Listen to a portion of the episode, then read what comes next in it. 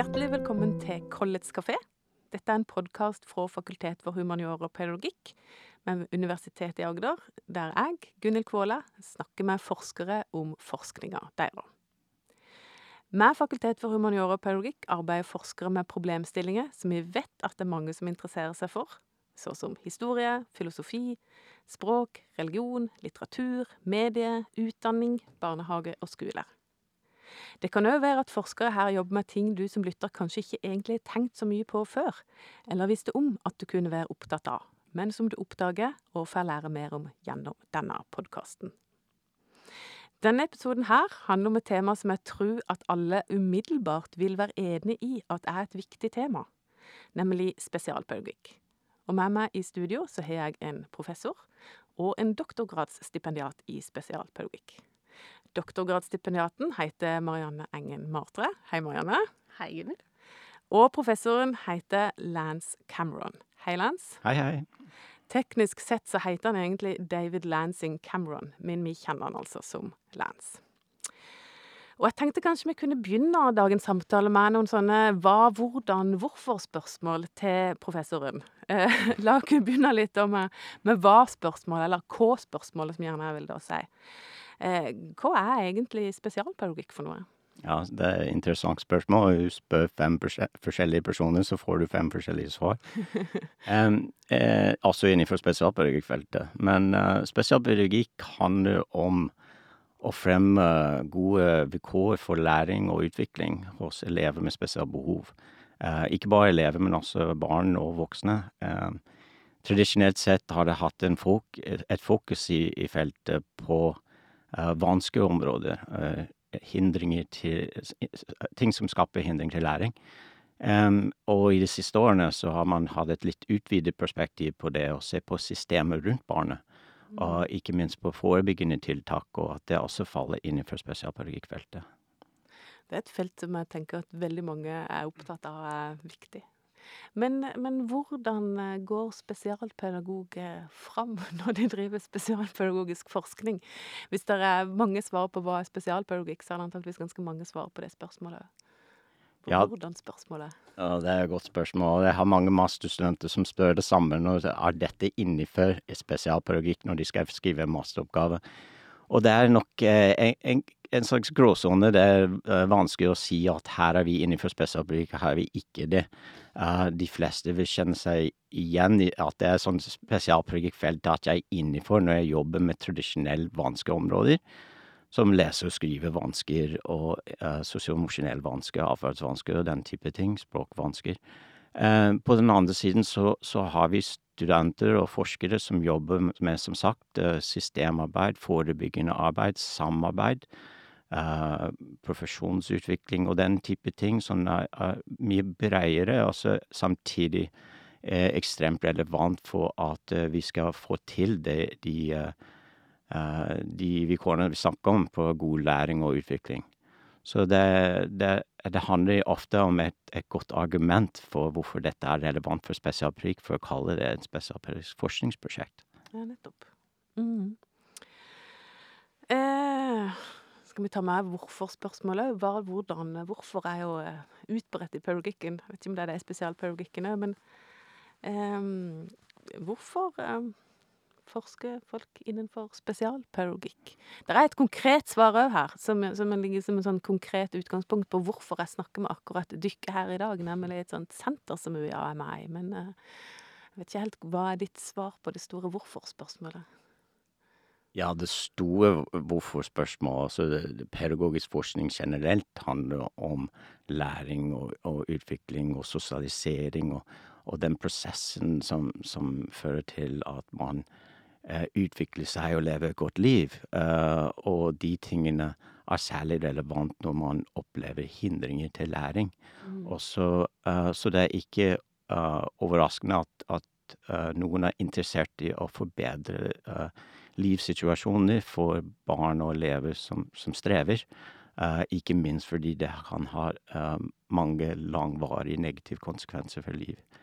Eh, hvis ikke man, hvis ikke man setter i gang tiltak og støtte i noen viktige faser. Um, så det, det er sånn overordnet hvorfor vi forsker på det.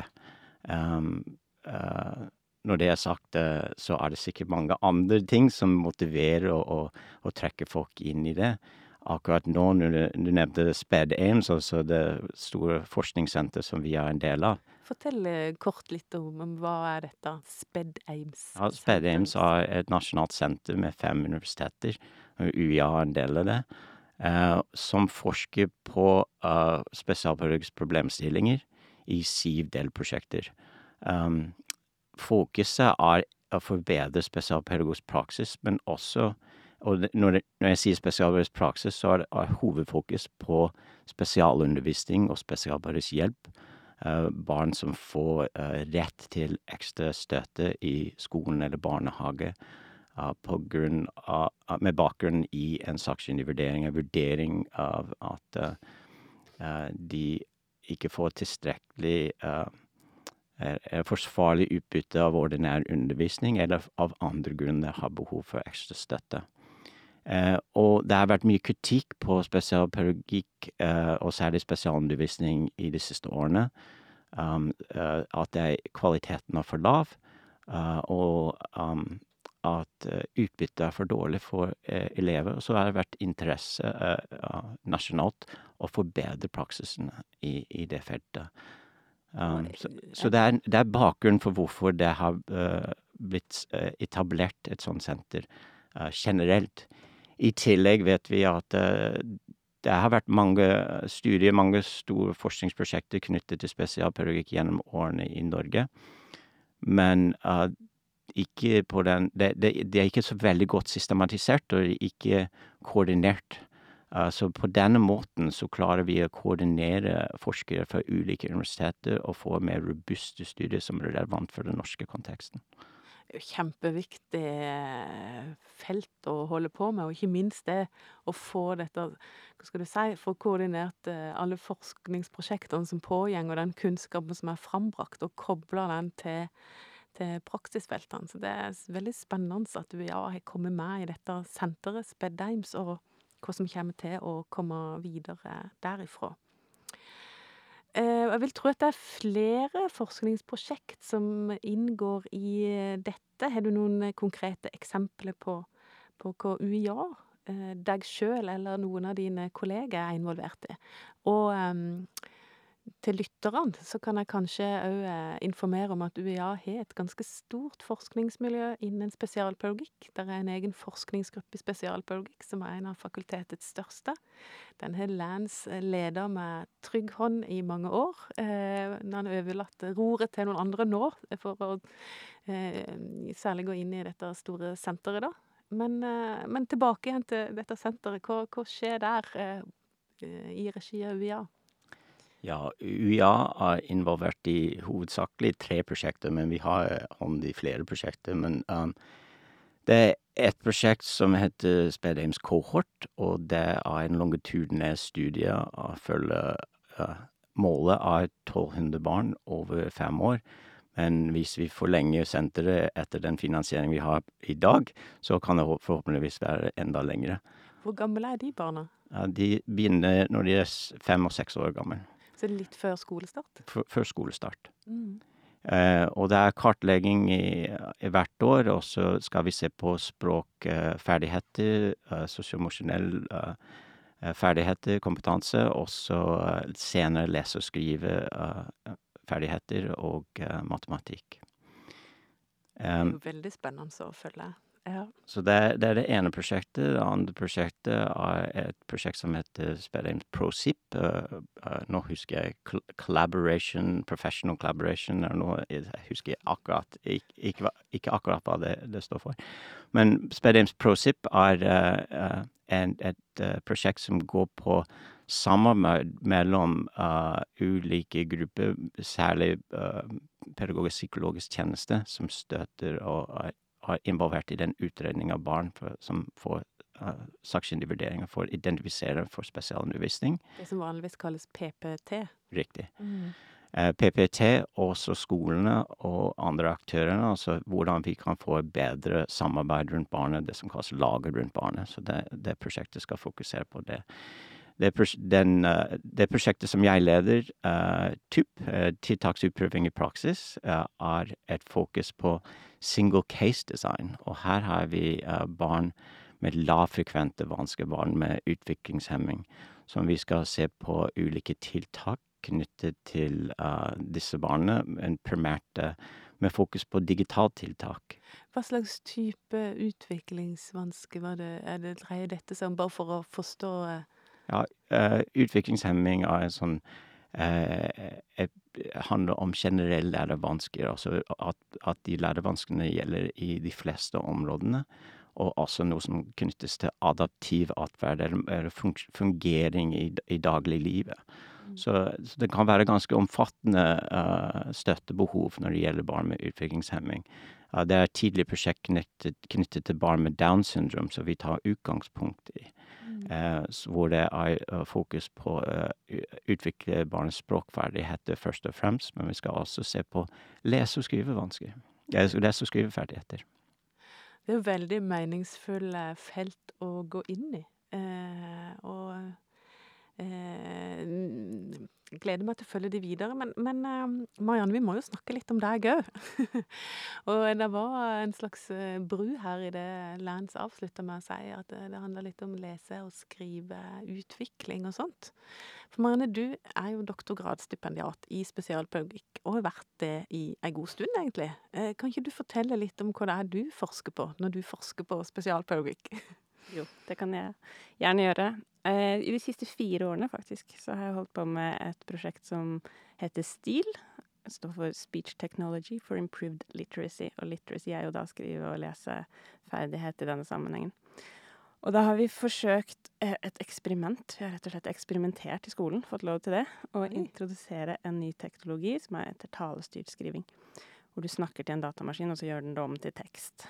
Dette finnes nå i eh, Dette har jeg på Siri i mobilen min, og uh, Word har jo en sånn uh, er, det er det den typen teknologi? Ja, akkurat den typen. Og det som er litt interessant da, med timinga nå, er at det gikk fra å være sånn veldig dyrt, veldig, altså du måtte betale masse penger for å få tilgang til den teknologien, det var ikke spesielt tilgjengelig for skolebarn, men så Plutselig så ble den jo helt åpen, nesten over natta. Så kom den i Word og lå der som en mulighet for alle. Ja.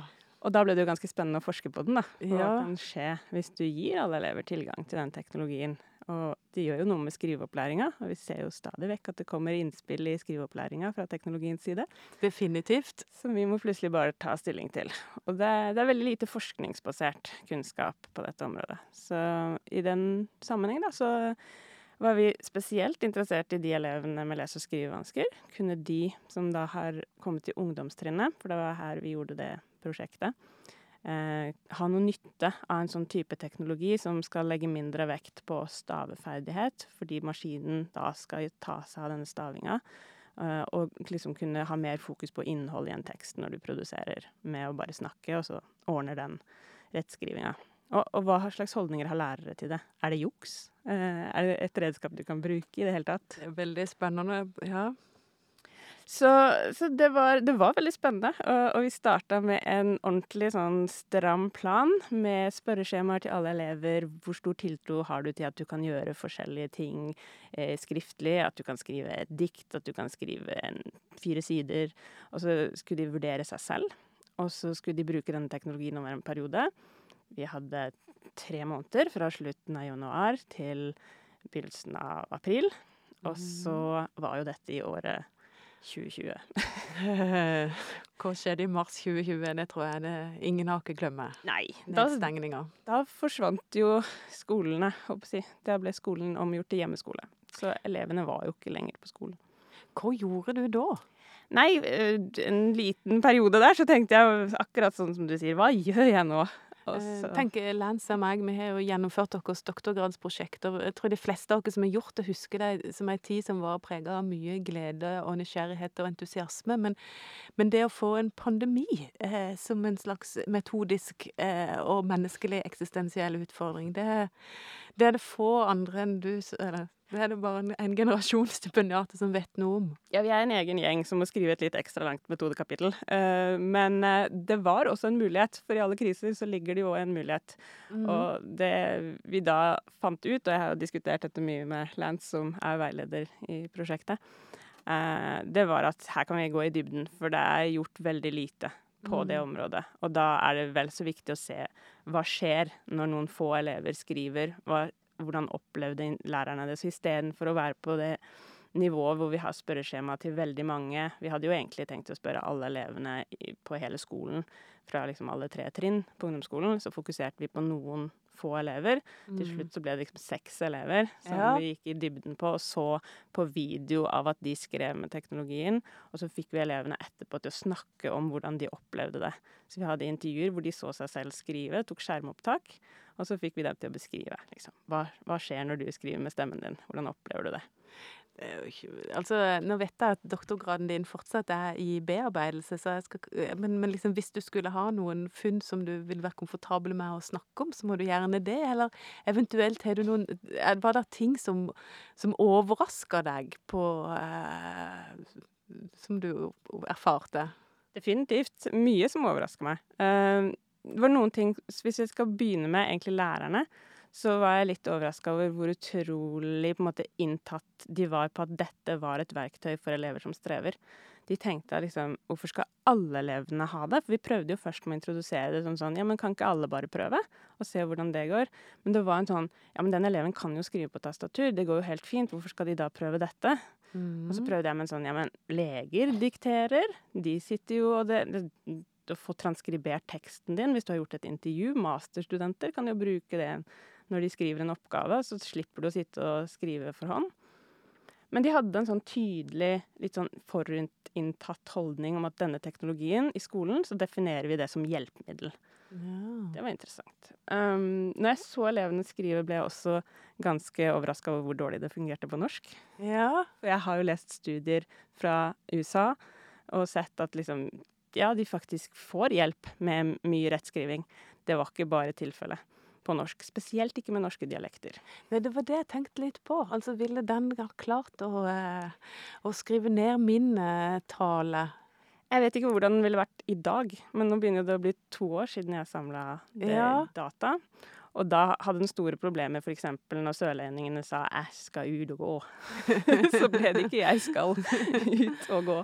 Så, og, og, mye sånn de, de, de, snakker jo ganske muntlig, så de sa sånn jeg, De skulle skrive en eh, tekst om sosiale medier, og så var det sånn eh, et eller annet hvor de sa eh, 'det kan være skummelt for holdningene deres'.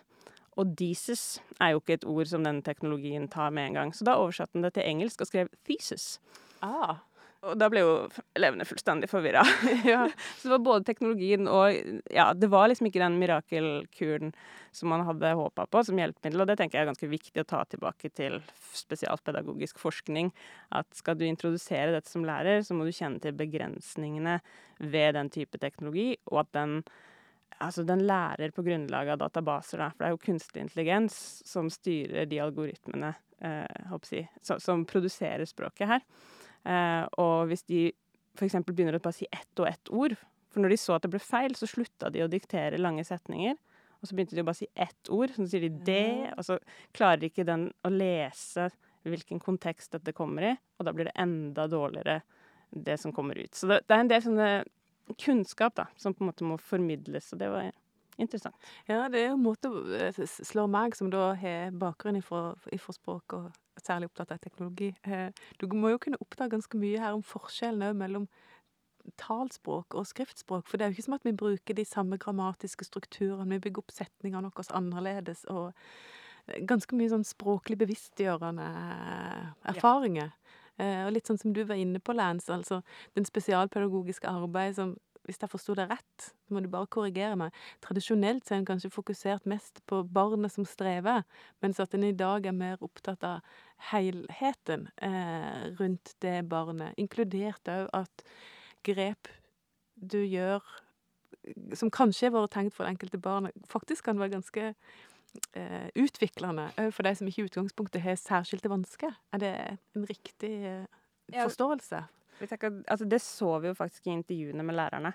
at de etter å ha gjennomført dette i en periode, så sa de jo at eh, nå fikk vi jo en mulighet til å snakke om forskjellen mellom det muntlige og skriftlige språket. Så de tok jo den pedagogiske liksom Woho! her, kan jeg, her kan jeg bruke muligheten fordi elevene ble bevisste, og ikke minst så begynte de å lese tekstene sine.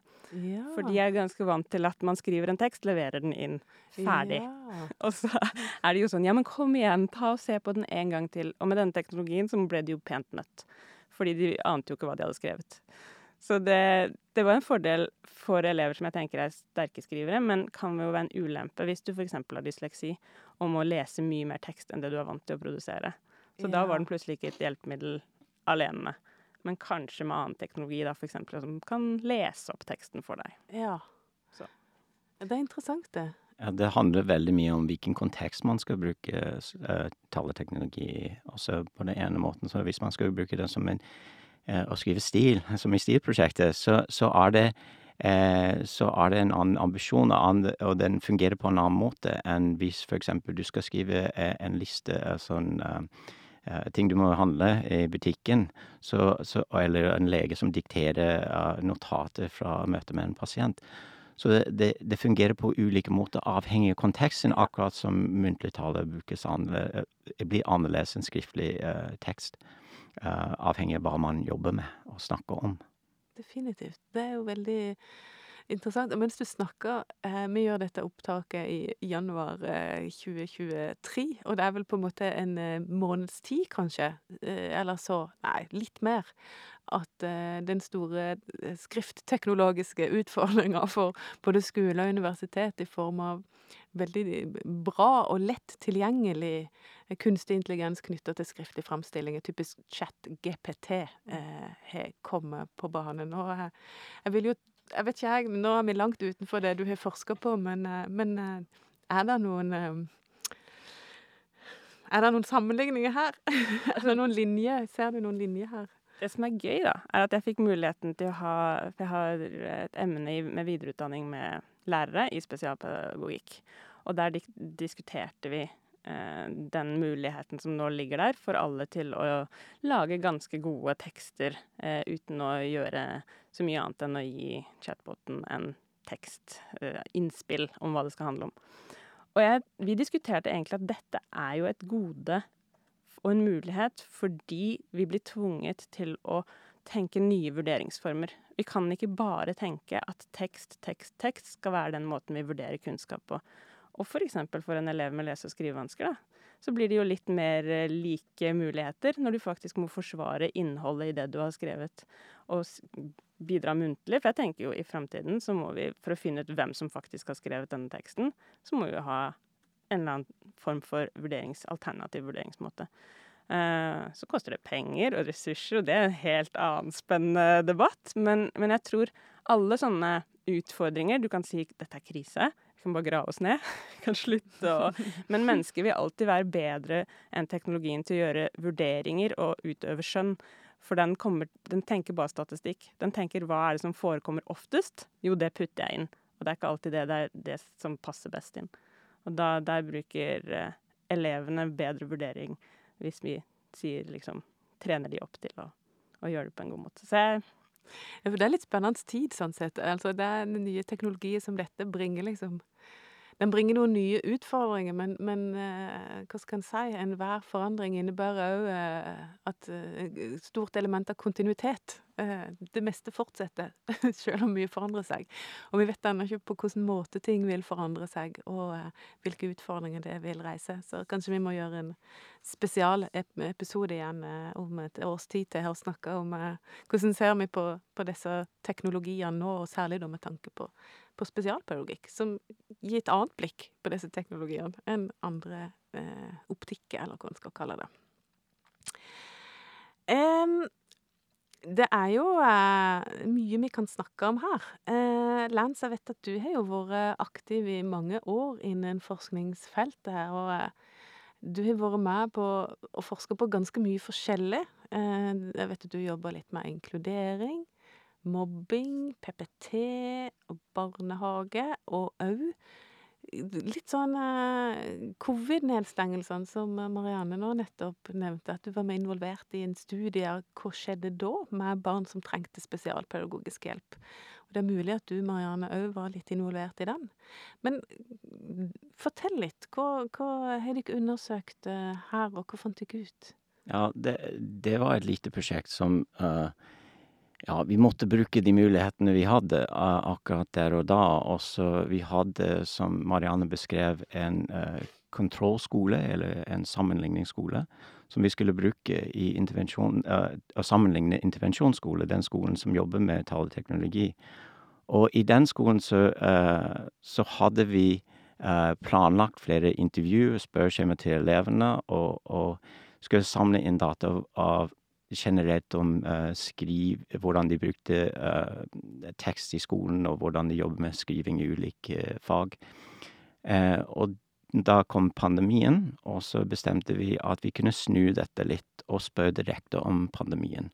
Så det gjorde vi det, altså vi gjennomførte intervjustudier, og så samtidig noen spørreskjemaer til elevene om hvordan de opplevde hjemmeundervisning eller digital undervisning og nedstenging og den slags ting. Og samtidig så hadde vi en annen undersøkelse som gikk ut til lærere som var involvert i en et prosjekt, en slags EVU, kunne man kalle det det, hvor de sk EVU står det for etter- og videreutdanning. Takk skal du ha. Men hvor de skal jobbe med digital ferdigheter, blant annet. Og det vi gjorde, at vi la inn noen spørsmål i en sånn st stor spørreskjemaundersøkelse med Nå husker jeg ikke hvor mange har du Det var 80 elever, og så var det 128 lærere på 10 skoler. Ja, 128 lærere på ti skoler. Og så spurte vi også de om pandemien, og Gjaldt disse spørsmålene på en måte alle elever, eller var det særlig elever med spesialpedagogisk oppfølging, eller? Altså, det var 80 elever på den skolen, og av de så var det 14 som hadde rett på spesialundervisning. Ja. Og vi spurte alle, men vi visste også Så vi gjorde analyser sånn at vi kunne sammenligne det de andre svarte, og de med rett på spesialundervisning svarte. Mm. Så dere noe som var interessant? Eller hva så dere? Vi så mye interessant. Jeg sitter alt er interessant. Ja, det det, det, var et veldig rart spørsmål. Ja. Men det det som var litt spesielt, tror jeg, i Norge, var at vi hadde veldig god dekning av, si, digitale dibbedutter. Vi kunne Elevene hadde som regel sin egen enhet, så de kunne fortsette undervisninga nesten sånn dagen etterpå.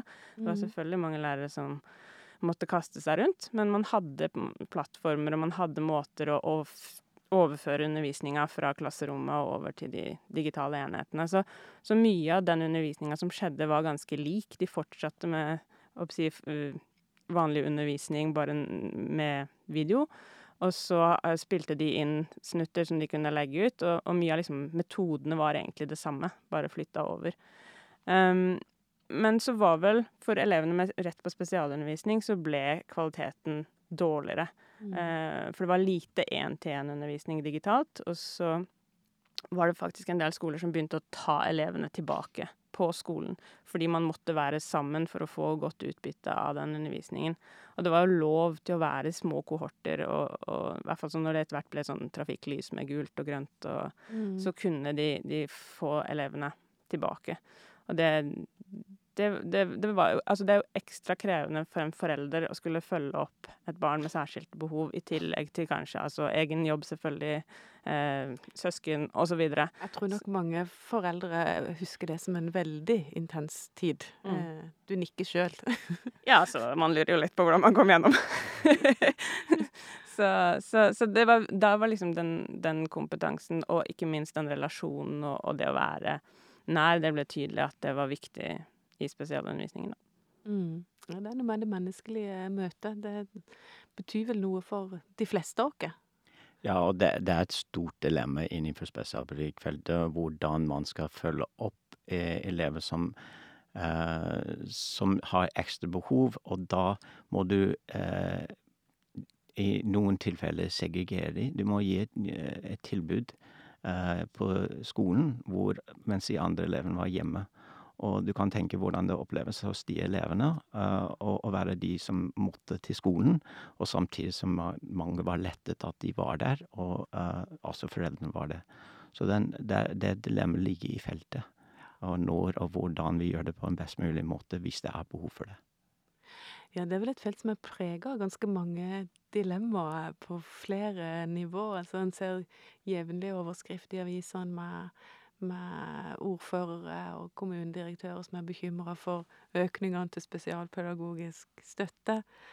Samtidig som alle unne elevene får det, så er det òg en bekymring for for som ja, for helheten i dette, da. Så det er kanskje et felt der liksom forholdet mellom forskning og praksis er særlig tett, eller særlig Hva skal du si? Det er en forskning Hvordan er forholdet mellom forskningsinnsikter og den praksisen som dere ser ute i kommunene, hvis det går er noe på overordna nivå? De lager litt rare grimaser, kan jeg si nå, til de som ser dem. Altså, det er så innmari vanskelig å forenkle svaret der. For det finnes masse, masse god spesialpedagogisk praksis, men det som kommer ut, er jo når det ikke fungerer, og det er innmari viktig. Ja. At man hører om det som ikke fungerer. Eh, og det er vanskelig å overføre forskning til praksis. Eh, jeg kommer jo fra jobben som lærer og spesialpedagog selv. Og det å skulle gjøre alt riktig i møte med noen andre personer, det er ekstremt vanskelig. Du tar så mange valg i løpet av en dag, og du prøver å gjøre de rette valgene, men det blir ikke alltid perfekt allikevel. Og det, du står i situasjoner hvor det er mangel på folk, eh, og du vet at kontinuitet er det viktigste, at det er forutsigbarhet, at det er de samme menneskene som følger opp. Plutselig så blir du plassert et annet sted, eller det er sykdom, eller Altså, det er mange ting, da, som gjør at det er vanskelig å, å gjennomføre det som i forskningen er veldig sånn forutsigbart og mye enklere. Altså, de sier du må gjøre det, du må gjøre det, du må gjøre det. Og så prøver du, og så ja, så kanskje har du ikke ressurser av ulike slag. Ja, den virkeligheten er jo et er jo ikke kontrollerte omgivelser. Der den er messy, som en ville si på dårlig norsk. Ja, og så er det liksom kamp om satsingen òg. Altså, jeg ville jo sagt lesing og skriving er kjempeviktig, og så ville noen andre komme og sagt at ja, men mobbing, læringsmiljø er kjempeviktig, og så har du liksom nye ting som hele tiden kommer og er det viktigste. Samtidig som du vet at for det barnet så vil det være det viktigste, men det er kanskje plassert i en gruppe med fire andre som har noen helt andre behov, og så skal de være del av et læringsmiljø der man er 30. Så, så det, er, det er veldig mange baller i lufta. Det er kjempespennende, Det skjønner jeg godt. Ja, men enkelt er det ikke. Definitivt. Meningsfullt og fullt av dilemmaer. Eh, men, men forskning som jeg tror betyr mye for, for mange. Og skjønner på dere at det er mange gode samarbeidspartnere i skole og barnehage der ute. Altså, tida gjenger veldig fort, eh, så jeg tror vi snart skal runde av. Men vil dere ha et slags siste ord, noen av dere? Et, et slags budskap til verden, eller lignende? Ja, jeg har eh, tenkt at eh, hvis noen har klart å forville seg hit til denne podkasten og kommet helt til dette punktet, så må det jo være en viss interesse for fagfeltet. Eh, og da må jeg bare si gratulerer, for det er det mest spennende fagfeltet, og du kan utforske det hele livet, tror jeg. Du lærer fryktelig mye om deg selv, og du lærer mye om andre. Så jeg håper folk som har vært interessert og nysgjerrig på dette, fortsetter inn i spesialpedagogikken. Det var et veldig bra budskap. Ja, jeg syns det var veldig bra sagt, så jeg tror ikke jeg kan tilføye noe der. Da tror jeg rett og slett vi runder av. Jeg sier bare tusen takk for en veldig fin prat om eh, viktige og utfordrende og på ingen måte hva skal du si, enkelt løsbare tematikker. Så College Café Podcast sier takk til Lance og Marianne, som da altså er David Lance David Lansing Cameron og Marianne Engen Martre, for å nevne de fulle navnene igjen. Takk for at dere kom her i studio og snakka med meg. Og Collets kafé takker for nå, og er plutselig tilbake med en ny episode.